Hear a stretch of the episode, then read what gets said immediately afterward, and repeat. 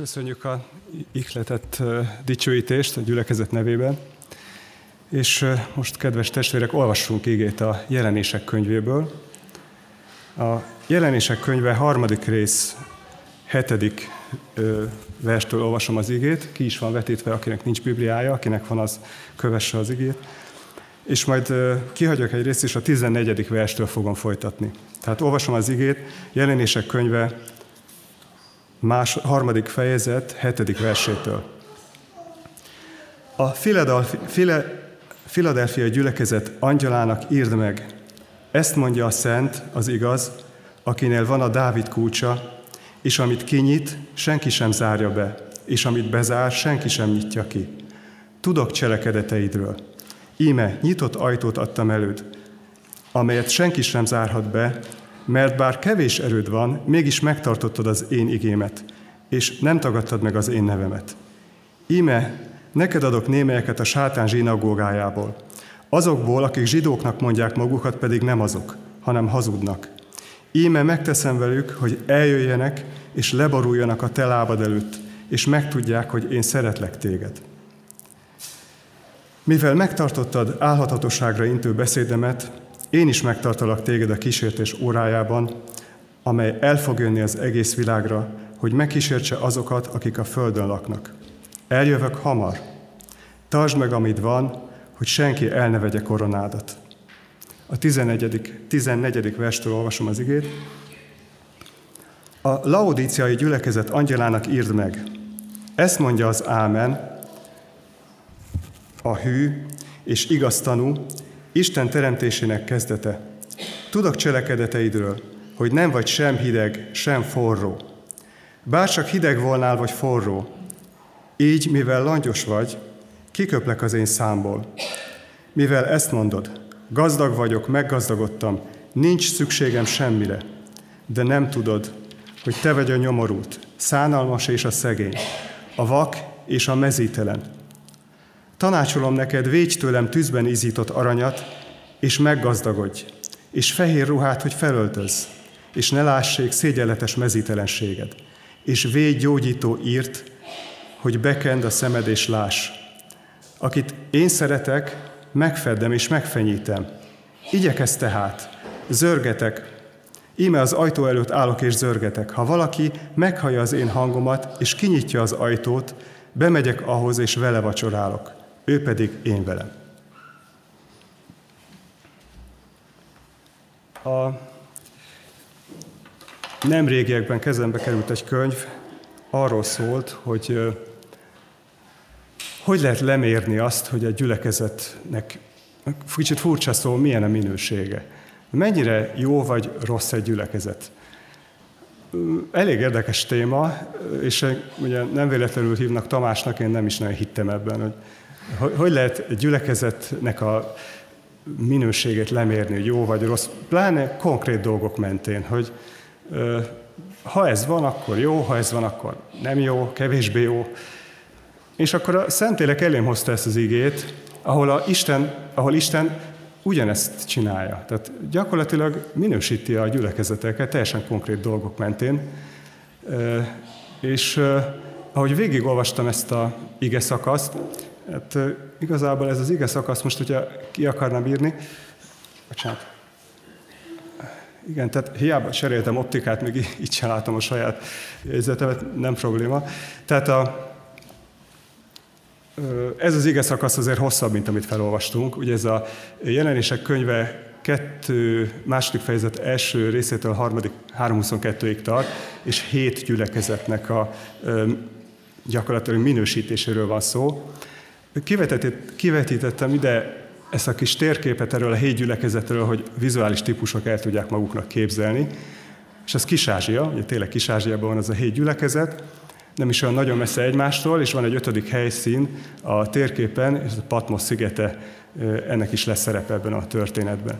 Tehát arra hívlak benneteket, hogy most menjünk végig ezen a értékelés történeten, persze nem teljes részletességgel erre ez a 40 perc, 3 óra messze nem lenne elég, csak úgy madártávlatból de nem ennyire, mint ahogy itt a térképen látjuk, kicsit azok közelebb megyünk, de menjünk végig ezen, és hiszem, hogy többet meg fogunk tudni Istenről, Krisztusról, magunkról, a gyülekezetről, amikor átnézzük ezt a történetet.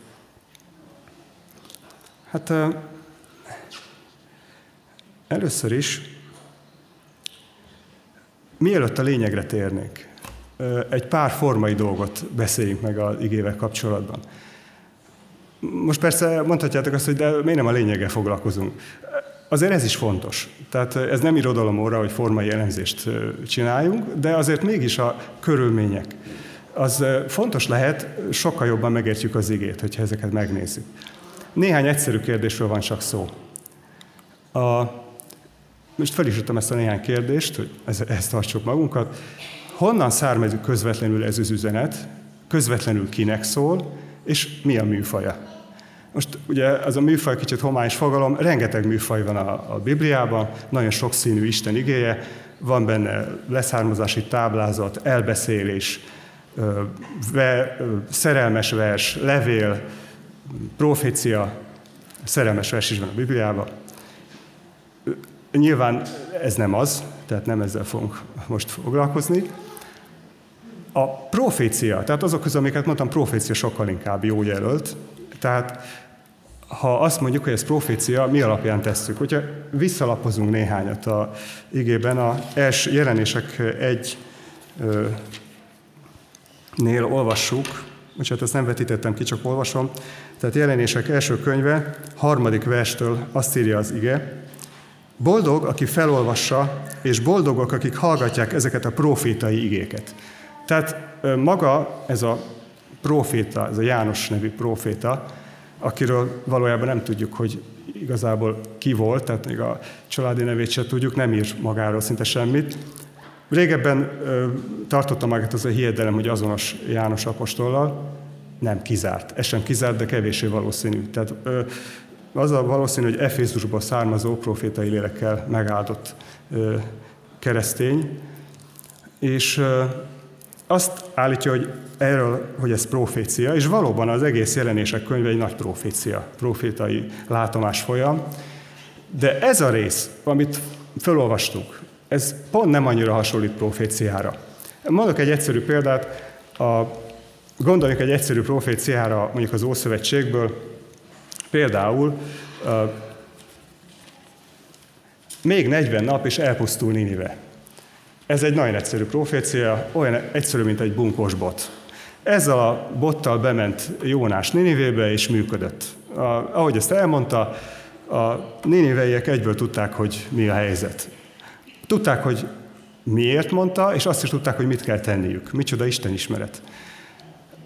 Azért ez, amit most felolvastunk, ennél sokkal részletesebb, cizeláltabb.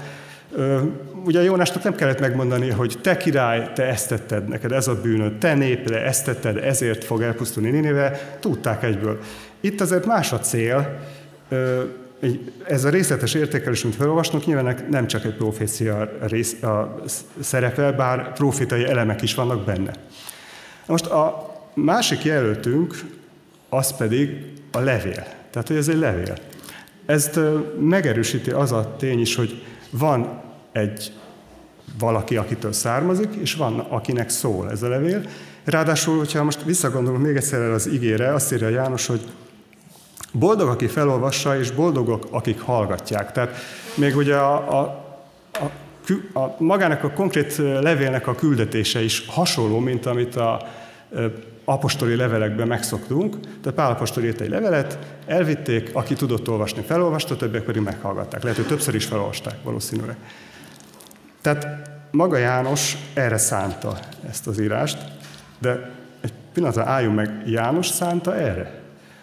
A, van két fontos különbség az apostoli levelek és ez között a ige szakasz között. Most gondoljuk az egészre, mint a hét gyülekezetre. Az egyik fontos különbség, hogy közvetlenül kitől származik ez a levél.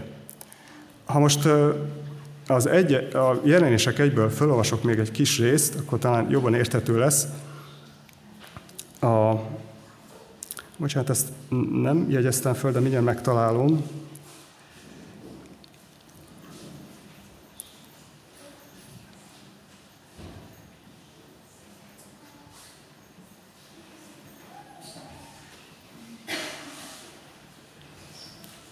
A tizedik verstől olvasom, tehát jelenések 1.10.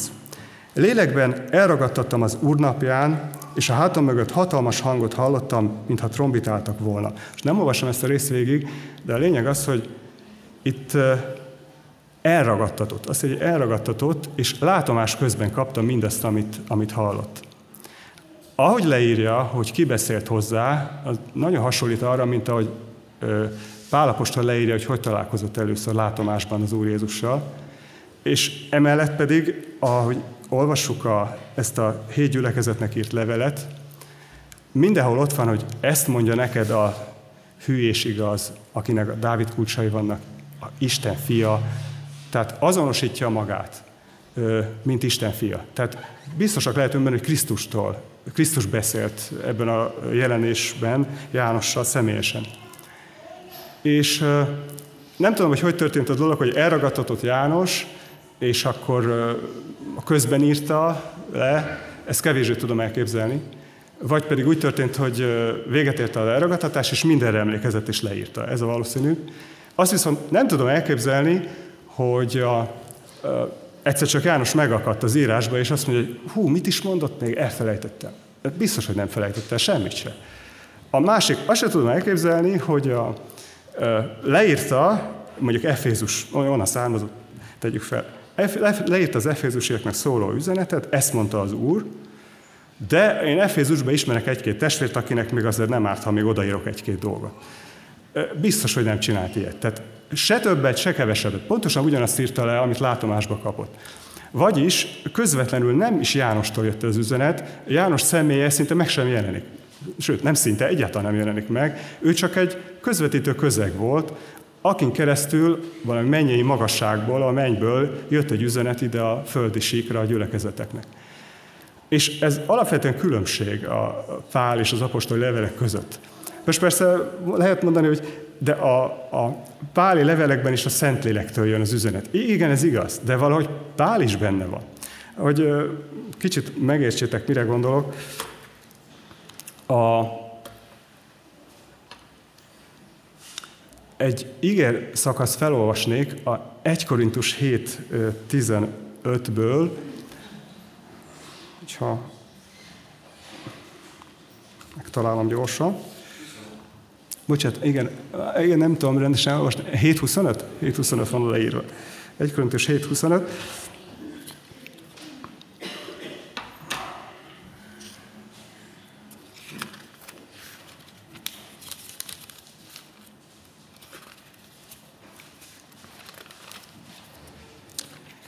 Azt írja az ige, hogy a hajadonokról ugyan nincs rendelkezésem az Úrtól, de tanácsot adok úgy, mint aki az Úr irgalma folytán hitelt érdemel. Ez egy érdekes ö, ige a páli levelekben, nem sok helyen írja ezt, hogy nincs rendelkezésem ugyan az Úrtól, de mert tudjuk, Szent Szellemmel betöltekezett bölcs személy volt, és tanácsát érdemes volt megfogadni.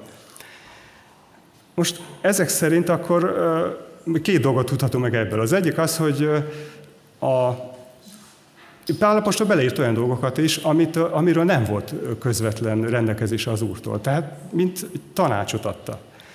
De azt is megtudhatjuk belőle, hogy ahova viszont nem volt odaírva ez, ott pedig volt rendelkezése az Úrtól. Tehát ez fordítva is igaz. De ez a rendelkezés az Úrtól, én úgy gondolom, inkább általános a gyülekezet rendjére és a Isten követésére vonatkozó rendelkezések voltak, és ő alkalmazta ezt, mint egy pásztori lélekkel megáldott személy alkalmazta a gyülekezetekre. Tehát Pálapostól is benne volt az üzenetben. Még ezeknél, a, amiket most, amiket ige szakaszal, amivel most foglalkozunk, itt közvetlenül Krisztus szólt a gyülekezetekhez. Tehát ez egy óriási különbség. A másik különbség, ami a két ige szakasz között van, az, hogy Pálapostól és vagy Péter írta a levelet, itt volt testben. Például egyik helyen írja a Pálapostól, hogy talán bottal menjek hozzátok. Amikor ezt a korintósiaknak felolvasták, biztos néhányeknek fennakadt a szemöldöke, hogy hú, ez ide jön.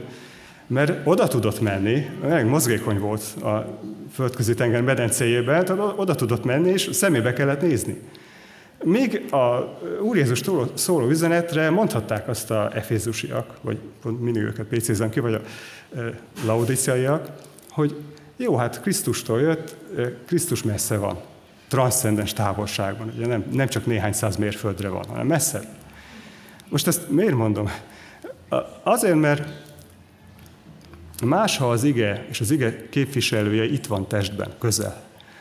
És ez fontos, főleg a gyülekezet miatt. A, most mondok egy példát. Tegyük fel, hogy valakinek valami problémás ügye van Istennel.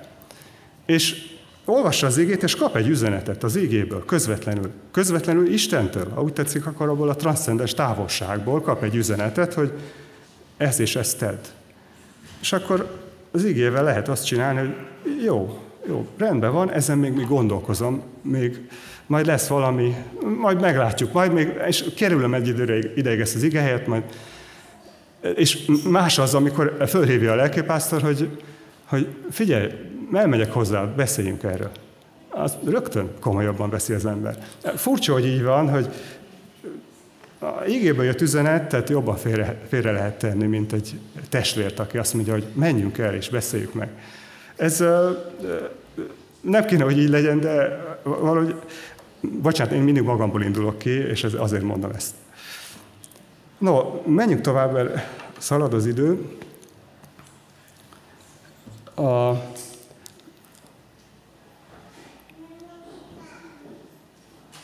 a következő kérdés, hogy kinek szól. Ez egy kicsit már bonyolultabb kérdés. Ugye azt írja az ige, hogy a mm, Szmirnai gyülekezet angyalának írd meg. Tehát egy angyalnak szól.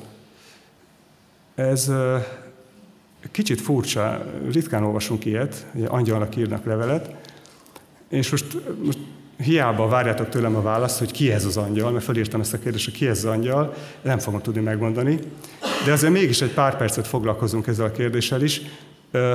Fölírok, fölírtam, hogy fölvázolok három választ, és akkor mindenki hite szerint eldöntött, hogy melyik tetszik neki a legjobban. Az első lehetséges megoldása ennek a kérdések, vagy első lehetséges válasz, hogy ez az angyal nem más, mint a gyülekezet vezetője, vagy vezetősége. Ez mondjuk elég logikus, hogyha ezt nem hívő meghallja, hogy hát ez az angyal a Bibliában a gyülekezet vezetőjét jelenti. Ez teljesen elfogadható számára is, egy logikus magyarázat. Meg hát kinek másnak írna közvetlenül, mint a gyülekezet vezetőnek, mert ráadásul van egy, az igéi, igében is egy ige szakasz, ami alátámasztja. A Dániel, nem olvasom ezt, ezt a részt el, csak idézem, hogy a Dániel könyve tizedik rész, 13. versétől van írva, hogy egy angyal, aki jön profétai kijelentéseket tenni Dávid számára, azt mondja, hogy Perzsia fejedelme, és némely fordítás oda teszi angyal fejedelme, feltartott engem 21 napig, és ugyanebnél az ige szakasznál írja azt is, hogy a Mihály angyalt is vezérnek nevezi. Tehát magyarán az igében a angyal és a vezér némileg szinonimiaként fogható fel ebben az összefüggésben. Tehát ez is alátámasztja, hogy akkor az angyal költőjén kifejezve a gyülekezet vezetője. Ha ez az igazság, csak ez az igazság, ez a magyarázat, az nem, van egy hibája ennek a magyarázatnak. Szóval az a hibája, hogy ha e- ez így van, akkor a gyülekezet gondja ez az egész. Vagy bocsánat, a gyülekezet vezetőjének a gondja az egész. Hát mi köze van akkor a tagságnak ehhez? Majd a gyülekezet vezető ezeket a problémákat, amiket az Úr Jézus üzent, majd megoldja. Tehát ebben a magyarázatban ez, ez az, ami nem annyira jó, de van másik magyarázat. A következő, ez egy kicsit ilyen furcsa magyarázat, furcsán hangzik, hogy maga a gyülekezet angyala egy szimbólum, ami jelképezi a gyülekezet vezetésének, vezetőjének és az egész gyülekezetnek a szellemiségét. Azt a szellemi hátteret, ami a gyülekezet mögött van, ami irányítja a gyülekezetet. Az nem feltétlenül nagyon jó, lehet, hogy kicsit vannak benne hibák, ugyanúgy, ahogy itt ezt látjuk. És valahogy olyan ez, hogy mintha Istennek lenne egy ilyen VR szemüveget. Tehát mondjam, most ez a VR szemüveg divatos, fölteszi az ember, és akkor a, meglát olyan dolgokat is, amit szabad szemmel nem lehet látni. Mondjuk szabad szemmel látok egy éttermet, felteszem a VR szemüveget, vagy telefonommal is lehet csinálni, és piros feliratok megjelennek a gyülekezet fölött, hogy itt ez a séf, jól főznek, de drága, ennyibe kerül, stb. Tehát egy csomó fontos információ, ami nem lehet látni. Valahogy így van, úgy képzelem a gyülekezettel, és Isten, ha nek olyan szemüvege van, míg mi csak együtt mosolygó, éneklő, imádkozó, igét hallgató embereket látunk, addig Isten ezzel a szemüveggel látja a villogó feliratokat a gyülekezet fölött, hogy nem, szeret, nem tűrik meg a bűnt, ez jó, de már nem olyan bennük az első szeretet. De, tehát ezeket így látja. És ennek szól, ennek a szellemiségnek szól ez a, ez a levél. Ez egy másik magyarázat. Ja, bocsánat, még egy kérdés itt eszembe jutott ennek kapcsán. Elképzelhetőnek tartjátok-e azt, hogy a gyülekezet vezetősége, vagy vezetője, jének a szellemisége jelentősen különbözően a gyülekezet szellemiségétől? Egy, gondolkoztam ezen a kérdésen, és ezt hosszú távon nem tudom elképzelni. Tehát, hogy az, hogy egy gyülekezet vezetője vagy vezetősége megy egy irányba szellemileg, a gyülekezet meg egy teljesen más irányba megy, azt valahogy olyan életszerűtlenek tartom, az lehetetlen. Tehát valahogy kéz a kézbe haladnak, jó vagy rossz irányba, de haladnak valamerre együtt. Tehát ez is lényeg, ezért is lényeges, hogy kinek szól az üzenet, nem csak a vezetőnek szól, ugyanaz a szellemisége van, a, bocsánat, nem csak a vezetőnek, ugyanaz a szellemisége van a gyülekezetnek is. És akkor nézzük a harmadik lehetséges magyarázatot. Ez akkor hullik az ölünkbe ez a magyarázat, hogyha szó szerint vesszük az igét. Lehet ilyet csinálni, hogy az igét szó szerint vesszük. És igen, szó szerint azt írja, hogy ez egy angyal, tehát akkor lehet, hogy ez tényleg egy angyal. Most kicsit furcsán hangzik ez, ha, ha ő egy angyal, tehát egy szellemi lény, e, ezt mondjuk alátámasztja az, hogy az Úr Jézus is így beszél róla, hogy a hét csillag, ez a gyülekezet hét angyala. Korábbi részben írja, ez egy hét csillag, és valóban a csillag, mint a mennybolton egy égitest, általában szellemi hatalmasságot jelöl, vagy szellemi lényt jelöl, a, sokszor az igében. Ez, ez egy szó, ige szerint, igéhez ragaszkodó magyarázat, de e, ebben meg valahogy az a nem jó, ahogy én látom, kicsit olyan bonyolult. Tehát akkor van a gyülekezetnek is mögött egy szellemi lény, egy angyal, hogy Perzsia fölött van, akkor miért ne lehetne gyülekezetnek is, akik alá vannak vetve valahogy az Úr Jézusnak, és elszámolással tartoznak felé. Szóval ez valami bonyolultnak tűnik, de hát most mit csináljunk, ezt írja az ige. Most nem tudom ezzel mit kezdeni. De most, hogyha nekem meg kéne mondanom, hogy nekem melyik tetszik a három közül, vagy melyiket tudom hitben legjobban elfogadni a három közül, én azt tudnám mondani, hogy egyszerre mind a három. Tehát valahogy mind a három igaz, most, hogy nem megyek rajta még egyszer végig, és valahogy jó is, hogyha mind a három igaz, mert akkor még inkább alá van az húzva, hogy nem csak a vezetőnek szól, hanem mindenkinek. Tehát a szellemnek először, de a testben itt élő gyülekezetnek is. Aztán. Ö, még mielőtt a lényegre térnénk, még egy kis kitérőt engedjetek meg. Egy kis matek. Miért, miért pont hét gyülekezet? Ez a hetes szám, ez olyan gyakran van az igében, hogy lehet, hogy valamit jelent. Jelent is. Az egyik magyarázat, hogy miért pont, miért pont hét gyülekezet, az, hogy hát pont ennyi volt Kis-Ázsiában. E, lehet, lehet, hogy több volt, ennyi biztos volt legalább. De lehet, hogy tényleg pont hét volt, de én nem hiszem, hogy csak ennyi a magyarázat mögött. Ez a hetes szám, ez annyi mindent jelent, most csak néhány példát fölírtam. Isten hét nap alatt teremtette a világot. Akkor lett a világ teremtése teljes és tökéletes, mikor megteremtette hét nap alatt. Vagy ebben a jelenések könyvében olvassuk, hogy a hét gyertyatartón égett hét láng, és ez Istennek a hét lelke. Hát teljes és, teljes és tökéletes. Aztán a bárány szellemi megjelenése, szellemi képe a jelenések könyvében egy olyan bárány, aminek hét szarva, hét szeme van, és a tökéletesség, és a teljesség. Tehát ez a szám az igében ezt jelképezi, ha más példákat néznénk, ott is ezt találjuk. A teljességet és tökéletességet. A zsidók számára ezt is jelentette a hetes szám. És ez egyik dolog, amit a hetes számról lehet tudni. Van egy másik dolog, amit még szeretnék a hetesre elmondani, az pedig az, hogy nem lehet könnyen egyenlő csoportokra osztani. És ott, bocsánat, nem könnyen, egyáltalán nem lehet egyenlő csoportokra osztani. Mondok egy példát. Nézzük például a 12-t. Másik nevezetes szám az igében, rengetegszer van. Ez a 12 nagyon könnyen lehet csoportosítani engedelmes szám ilyen szempontból. Két példát felrajzoltam, van a 12 hónap, szét lehet osztani 3x4 csoportba, vagy 4x3 csoportba a négy évszak szerint. Vagy a Ézsaiás könyvében, vagy a jelenések könyvében, a mennyei Jeruzsálemben a, van 12 kapu, és ezt a négy égtáj szerint lehet csoportosítani. A hetes szám, mert egész más fából faragták, nem lehet szétszedni, szétbonthatatlan, oszthatatlan. A matematikus azt mondja, hogy prímszám. És ennek van egy üzenete. Most akkor tehát teljes és szétbonthatatlan, egységes.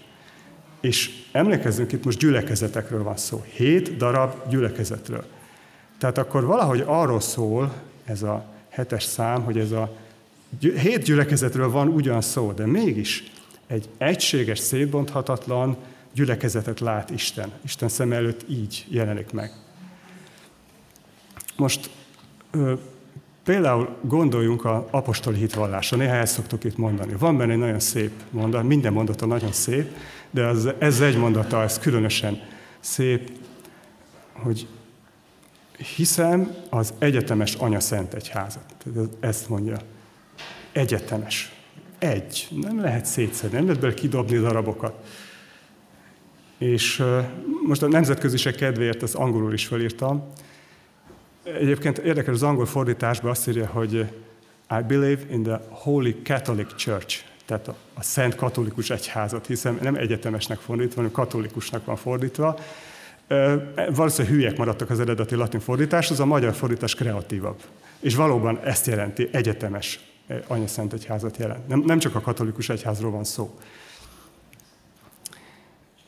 Jó, most ennyit arról, hogy ezt mondja a hetes szám, tehát egységes és megbonthatatlan gyülekezet. De mi a helyzet az időkkel? Ez közel 2000 éve történt. Akkor ez egy más egyház volt, mint most, nem? Más egyházak voltak, mások voltak a problémák, mint most. Nem. Nem. Ugyanabba az ügytörténeti korszakban vagyunk most is, mint akkor. A, ez az ügytörténeti korszak onnantól kezdődik, hogy Jézus felmegy a mennybe, és odáig tart, hogy visszajön. Tehát amíg fel, a felmenetel és a visszajövetel közé, közötti időszak, amikor várjuk az Úr Jézust, ugyanaz volt akkor is, mint ami most. Igaz, hogy ők a, ennek a korszaknak az elején éltek, mi pedig a végén élünk, de ez a 2000 éves különbség ellenére uh, ugyanaz a gyülekezet vagyunk mi is. Tehát nem csak térben egységes a gyülekezet, hanem időben is. Az a gyülekezet ugyanaz a gyülekezet, mint mi vagyunk. Tehát most akkor ebből következik, hogy nekünk is szól ugyanúgy ez az értékelés. Most uh, akkor térjünk végre a lényegre. Az értékelés. Most ez egy szubjektív dolog lesz, amit most fel fogok vállalni, vázolni, és fel is fogom vállalni, igen azt csináltam, hogy végigolvastam, régen olvastam előtte, tehát nem annyira emlékeztem rá, végigolvastam egy húzamban ezt a hét értékelést, és megpróbáltam őket ilyen skálán sorba rakni, hogy felülre raktam, aki, amikről jókat írt, a, Úr Jézus, és alulra, akit, akiről rosszakat írt, és akkor megpróbáltam őket elhelyezni úgy, hogy ne kerüljenek egymás mellé. Tehát el kellett döntenem, hogy mégis melyik a jobb a kettő közül, hogyha döntenem kellett. Most persze felteszem, hogy, hogy valamennyire ismeritek ezt a ige szakaszt, és tegyük fel, hogy elolvastuk ezt a hét értékelést. Ha nem olvasta el valaki még, akkor házi feladat, hogy olvassa el. És nekem ez jött ki. A legfelülre raktam a Filadelfiát, legalulra a Laodíciát, és akkor most fény derült arra is, hogy miért pont ezt a két igét szakaszt olvastam fel. Felolvastam a szerintem legjobbat, és felolvastam a szerintem legrosszabbat. És a többit is valahogy elhelyeztem. Most az a gyanúm, hogyha most megkérnék száz embert, hogy ugyanezt tegye meg, akkor olyan lényegesen nem lenne különböző.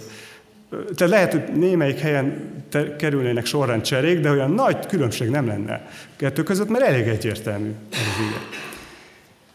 És a másik dolog, amit megtettem, hogy megpróbáltam mellé ezeknek a gyülekezeteknek, hogy mi az az értékelésből, ami miatt oda tettem, ahova tettem.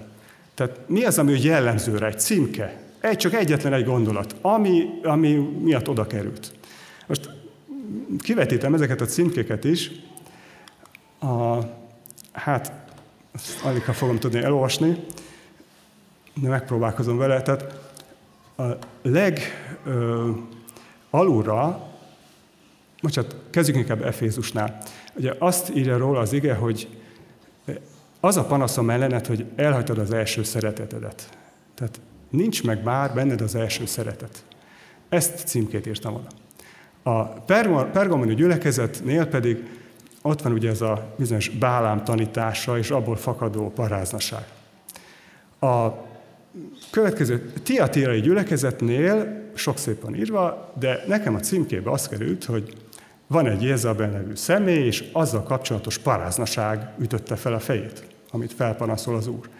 És akkor végül, majdnem végül, Szárdiszt raktam az utolsó előtti helyre, akiről már egész csúnya dolgok vannak írva. Az van írva, hogy az a nevet, hogy élsz, pedig halott vagy.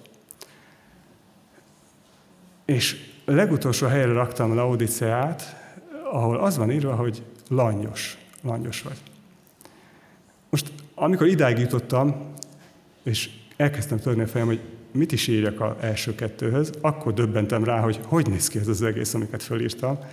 Tehát ezek a címkék egy valamiben megegyeznek. Mibe egyformák? Mindegyik rossz. Csupa rossz. Tehát, tehát mint hogyha azt úgy, olyan szemlélettel közelítettem volna meg, hogy mi az, ami lehúzza. Azt nézzem meg, hogy mi a negatív. És ez önkéntelenül csinálta, nem direkt. És és ez rádöbbentem, hogy milyen sötét lelkem van, hogy a rossz vésődik be. Bocsánat, én csak magamról beszélek, de aki esetleg sorstársam ebben, úgy vágyom rá, hogy ne ilyenek legyünk, vagy ne ilyen legyek, hogy a rossz vésődik be. A rosszat jegyzem meg valakiről, vagy egy gyülekezetről.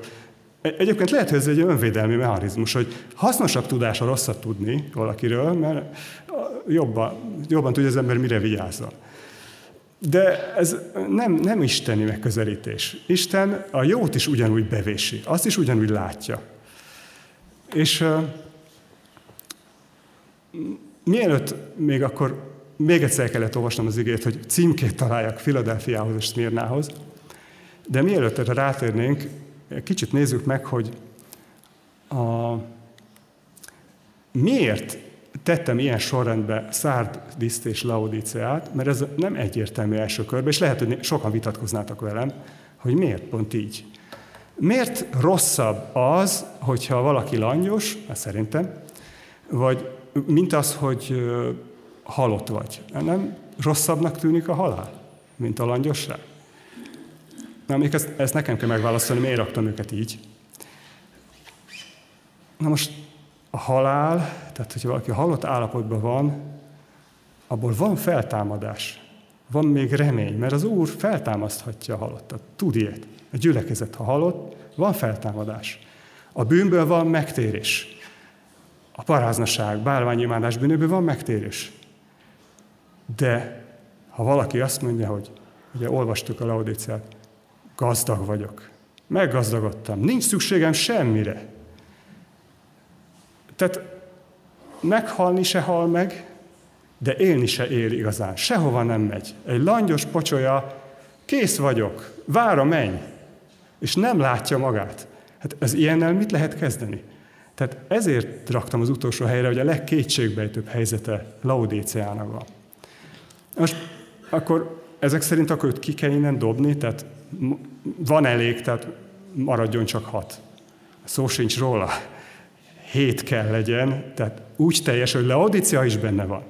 És kell Laodicea, és az Úrnak lesz is rá gondja. Nem, nem, nincsenek elveszve. Most akkor nézzük meg a két legfelső kategóriát, Philadelphia és Smyrna. Kezdjük Smyrnával. A Smyrnánál az van írva, bár nem olvastuk el, csak a körvonalait idézem, hogy üldöztetésben fog részesedni. Írja az ige, hogy némelyeket tömlözbe, börtönbe fognak vetni közületek. De légy hű, tarts ki. És ez, azért ez egy szint, hogyha az Úr valakit arra méltat, hogy üldöztetésben részesülhessen, akkor az Úr látja rajta, hogy ki fogja bírni. Elég erős.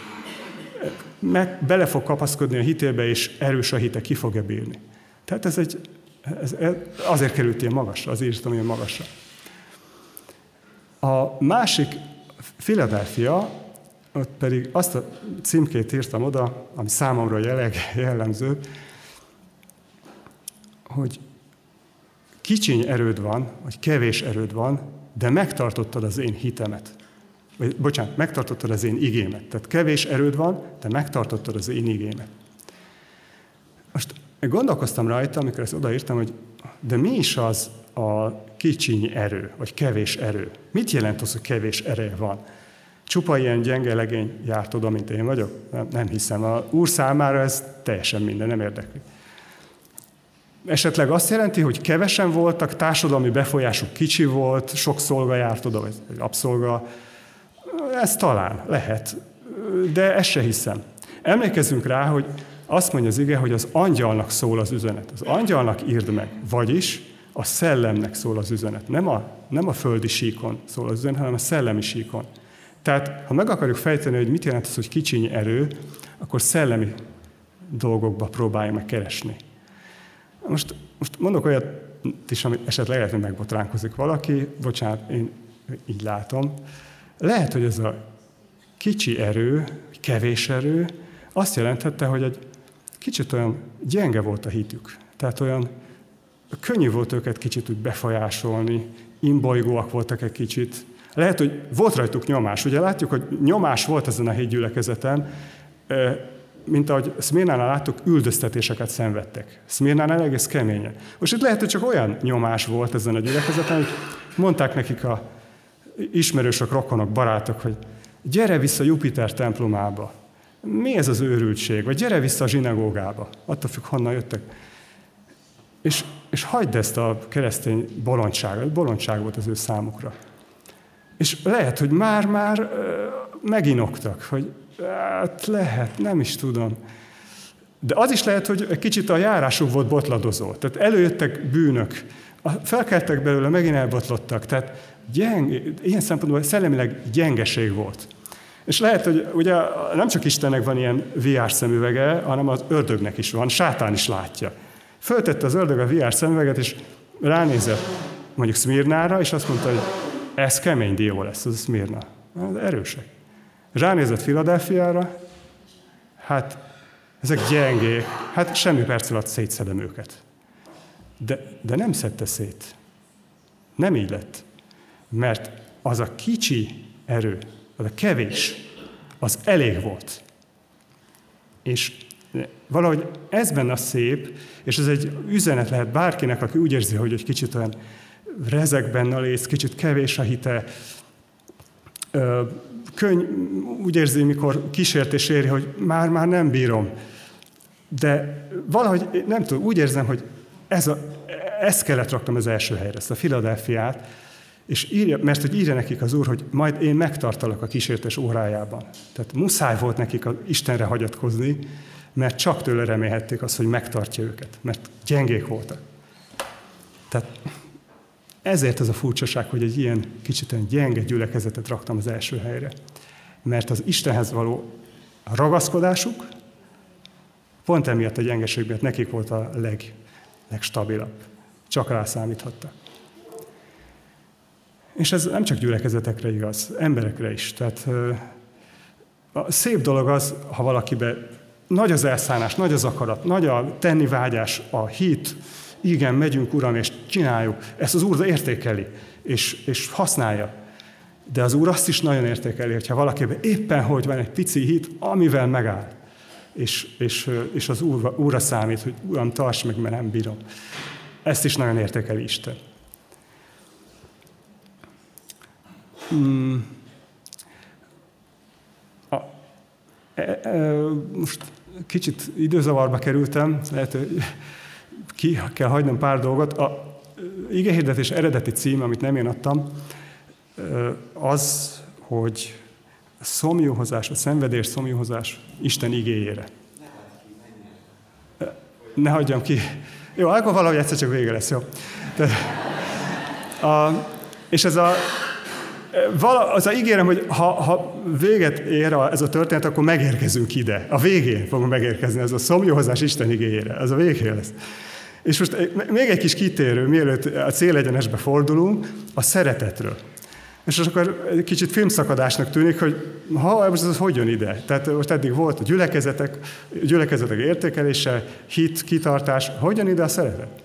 Hát ide jön, mert ide hoztam, egyrészt pedig, másrészt pedig ez a ö, szeretetnek igenis erős köze van ehhez a, ehhez a hét igéhez, vagy hét értékeléshez. A, először is tegyük fel azt a kérdést, hogy most én sorba raktam valahogy ezt a hét gyülekezetet, egy skálán, hogy Isten is így, így látja, hogy sorba rakja. Lehet, hogy nem pont úgy minden, de valahogy sorba rakja, így jó és rossz skálán. Most az lenne szép, ha azt mondanám, hogy nem, Isten nem rakja így sorba, hanem egyforma. De, val- de ez nem így van. Tehát Isten adott egy értékelés feketén-fehéren, el lehet olvasni, és tényleg van egy értékelési különbség. Különbség van a gyülekezetek között. De van olyan skála, van olyan skála, ahol egyformák a gyülekezetek. És ez a skála, hogy Isten mennyire szereti a gyülekezetet. Itt egyformák a gyülekezetek, itt nincs különbség. Nem lehet, hogy ezt szeretem legjobban, ezt meg nem annyira. Itt ilyen különbség nincsen. Bocsánat, még van egy tanmesém, ezt három percet el tudom mondani, hogy ezt, ezt még tűrjétek el, a Lázár Erzsé remek műve. Nagyon ideillik, és sokat elmond. Van egy főhőse ennek a mesének, aki megszeret egy lányt mondjuk, felöltözik szépen, vesz egy csokor virágot, és elindul, hogy ezt megmondja neki. És három jelenetnek lesz fültanúja, és ez a három jelenet alapvetően megváltoztatja az egész történetet.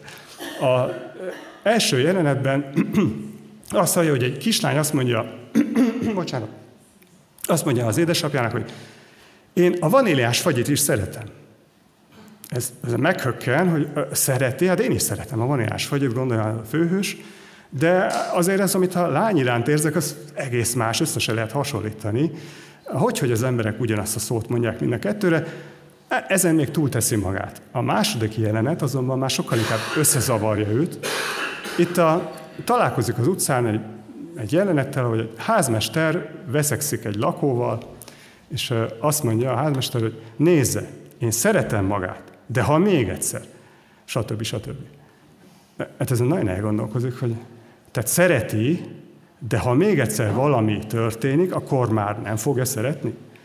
Tehát a szeretetben van ilyen, hogy, hogy de ha valami lesz, akkor szeretlek, de ha valami lesz, akkor nem szeretlek. Tehát vannak ilyen feltételek a szeretetben, hogy, hogy ugye amikor esküvői fogadalmat teszünk, a úrszíne előtt, akkor abban nincs ilyen, hogy, hogy szeretni fogom, ha Nincs benne ha.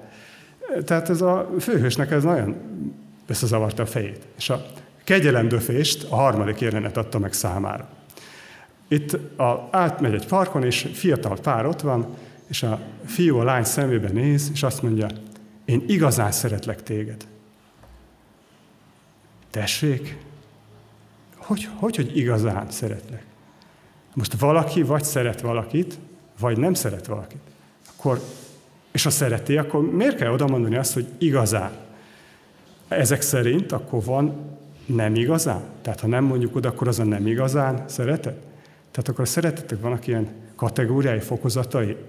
Ezt se gondolta volna ez a főhős, és ez teljesen tönkrevágta szegény. Mire odaért a lányhoz, cserbe hagyták a szavak, és nem tudott semmit sem mondani, semmi értelmeset. És csak annyit mondott, hogy ismeri valaki a mesét? Annyit mondott, hogy döm, döm. És onnantól kezdve nem is mondott semmi más, csak ez, és ez lett a neve ebbe, ebbe a mesébe. Na most vigasztalhatnánk ezt a dömdödömöt azzal, hogy, hogy döm, ez, ez csak a szavakról szól, nem az igazán a szeretetről, ezek a szavak, hát az emberi szavak rossz a nyelv. De az a rossz hírem van, hogy nem. Jók a szavak, és jó a nyelv. A valóság az a rossz. A mi szeretetünk ilyen. Az ember szeretete. Vannak feltételek, tényleg. Ha olyan vagy, aminek, aminek elképzelek, akkor szeretlek. Ha megváltozik a dolog, már nem olyan vagy, már nem annyira szeretlek. Van ilyen, ezt megtapasztaltam, van ilyen. És van olyan is, hogy igazán, meg nem igazán. Ilyen is van. Az igébe ezt meg is találjuk. E, ebben a hét ö, értékelésben négyszer szerepel hogy a, a szeretet. Tehát négyszer van szó a szeretetről a többségében. Kétszer úgy, hogy a gyülekezet szeretete Krisztus iránt. Ez a, ez a kettő, ez a ö, Tiatírai gyülekezetnél van, és az Efézusi gyülekezetnél. A Tiatírai gyülekezetnél azt írja, hogy tudok szeretetedről. Ez nagyon szép. Isten értékeli. E, Efézusnál pedig az van írva, hogy az a panaszom ellenet, hogy elhagytad az első szeretetedet. És ebből lehet következtetni, hogy az első szeretet, az volt az igazi. Azt hiányolja az Úr. Tehát az volt az igazán szeretet. Ez, ami most van, ez a nem igazán szeretet. Tehát van ilyen, ez emberek szeretete. A másik kettő arról szól, hogy Isten hogy szereti a gyülekezetet. Hát kitaláljátok, hogy melyik ez a kettő, aminél szóba kerül a szeretet. Hát a legelső, ezt olvastuk is. A legelső, és amit a legalulra raktam, a legutolsó. Philadelphia és Laodicea. Tehát szeretem a legjobbat is, és a legrosszabbat is. Ugyanúgy. A Philadelphia-nál az van írva, hogy megtudják, hogy én szeretlek téged. A Laodiceánál úgy van írva, hogy akit én szeretek, ha még emlékeztek rá, akit én szeretek, azt megfedem és megfenyítem. És hát megfette, nem? Tehát szereti. Tehát szereti az elsőt is, és az utolsót is, egyformán.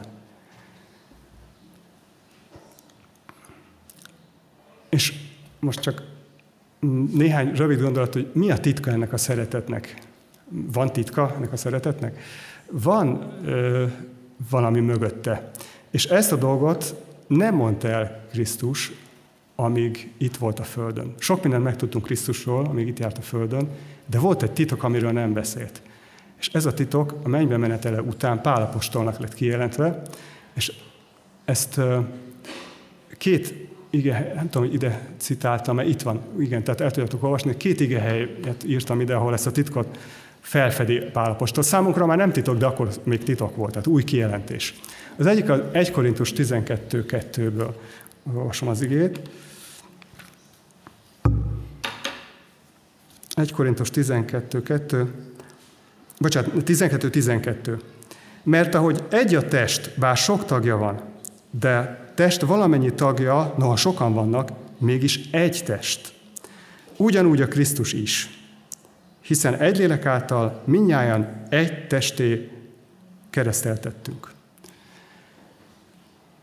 Tehát itt egy kicsit ugyanarról szól, mint amiről a hetes szám is, hogy egyek vagyunk, de itt arról is szól, hogy igaz, kicsit homályosan írja a nyelvtanilag, ahogyan Krisztus is. Tehát valahogy ebből már lehet következtetni, hogy ez az egy test, ez a Krisztus teste. Tehát mi, gyülekezet, az egy test, ez Krisztusnak a teste, szellem értelemben. És a másik ige hely, amit még elolvasunk, mm, ez a Filippi levélben van, a 28. bocsánat, Efézusi, Efézusi levél 5.28, köszönöm, nem tudom, 5.28-tól olvasom gyorsan az igét. Hasonlóképpen a férfiak is szeressék feleségüket, mint saját testüket. Aki szereti a feleségét, önmagát szereti, mert a maga testét soha senki sem gyűlölte, hanem táplálja és gondozza, ahogy Krisztus is az egyházat, mint hogy tagjai vagyunk testének. Itt sokkal egyértelműbbnek kijelenti, egyértelműbben kijelenti ezeknek a megáltalkodott efézusiaknak, akik elhagyták az első szeretetet, ő nekik mondja el szóról szóra ezt a csodálatos titkot, hogy a gyülekezet Krisztus teste. És valahogy ez a Krisztus szeretetének a fő titka, a saját testét soha senki nem gyűlölte. Mi a ő teste vagyunk, és szeret bennünket. Mint ahogy ez a második ige sokkal szebb, hogy így, hogy a, ahogy a férj szereti a feleségét, mert az a saját teste. És akkor végül, hogy megérkezünk a végére az igéről. Tehát a, most, hogy ezt a titkot is átnéztük, hogy mi gyülekezet a Krisztus teste vagyunk, nézzük meg, hogy mi még Krisztus teste. Ugye itt, itt is citáltam az igét, és sajnos én nem bírom elolvasni, de ti el tudjátok olvasni. Ugye János ö, apostol, ö, János 1, 9, János 1.9-ből, és utána kicsit kihagyva egy része, János 1.14-et elolvassuk. Ott az van leírva, bocsánat, az idők rövidsége miatt azt most nem keresünk ki az igébe, de el tudjátok olvasni, hogy az ige testé lett, és itt járt köztünk. Tehát az ige is Krisztus teste. Mi is Krisztus teste vagyunk, és az ige is Krisztus teste. Most akkor mi a következtetés ebből? Nem akarok ilyen eretneknek tűnő dolgot megfogalmazni, hogy mi vagyunk Krisztus testet, tehát mi vagyunk az ige. De azért valahogy mégis ez, ez az igazság. Tehát az ige, az ige, amíg Krisztus a földön járt, addig ő volt az ige, a két lába járó ige. Most, hogy már Krisztus nincs itt, most mi járunk itt a földön, most mi vagyunk az ige. És valóban, hát a mi belső emberünk, ami bennünk növekszik, az ebből a szellemi anyagból lett kovácsolva. Ez a lételemünk. Ebből táplálkozunk. Hát hogy ne szomjúhoznánk Isten igényére? Hogy is ne vágynánk rá? Lehet, hogy testünk nem mindig így érzi, de a belső ember, a szellemi ember az vágyik rá, és akarja, hiszen elpusztul, ha nem kiveszük ebből a közegből, mint a halat, ha kiveszük a vízből. Mi ebbe a közegbe vagyunk. Mi vagyunk az ige. És most a legvégére egy Spurgeon idézetet raktam, ami jól aláhúzza ezt a amit idáig beszéltem. Azt mondja Spurgeon, hogy a világ nem olvassa a Bibliát. A világ bennünket olvas. Mert hogy mi jelenítjük meg Isten igéjét ebben a világban, senki más. Lesz egy borzasztó időszak a üsztörténetben, amikor már nem lesz a gyülekezet itt. Mi lesz akkor? Honnan fogják látni az emberek a világosságot? Szörnyű sötétség lesz. Ez a jelenések könyvében ha tovább olvasnánk, láthatnánk. És ha hiszitek, hanem ez a hetedik diám, úgyhogy ez az utolsó egyben. Úgyhogy köszönöm a figyelmeteket, és egy rövid imával le is zárom. Menje, édesatyánk, nagyon hálásak vagyunk neked ezért, ezekért a kijelentésekért, ezekért a titkokért, amit nekünk szántál hogy erőt adj nekünk, és hogy megértsük a te gondolataidat. Köszönjük ezt, hogy ránk bíztad az igét. És köszönjük azt, hogy a gyengét, akinek éppen elég hite van, azt is támogatod, megtartod. És köszönjük, hogy használsz bennünket. Van célod az életünkkel, van célod a gyülekezetnek a életével. Kérjük, Urunk, hogy add meg, meglássuk, hogy meglássuk ezt a célt, hogy mi, mi a terved ezzel a gyülekezettel. Legyen világos egyen-egyenként, akik ide járnak, és keresik a te akaratodat, és, és a gyülekezet számára is tett világossá. Ámen.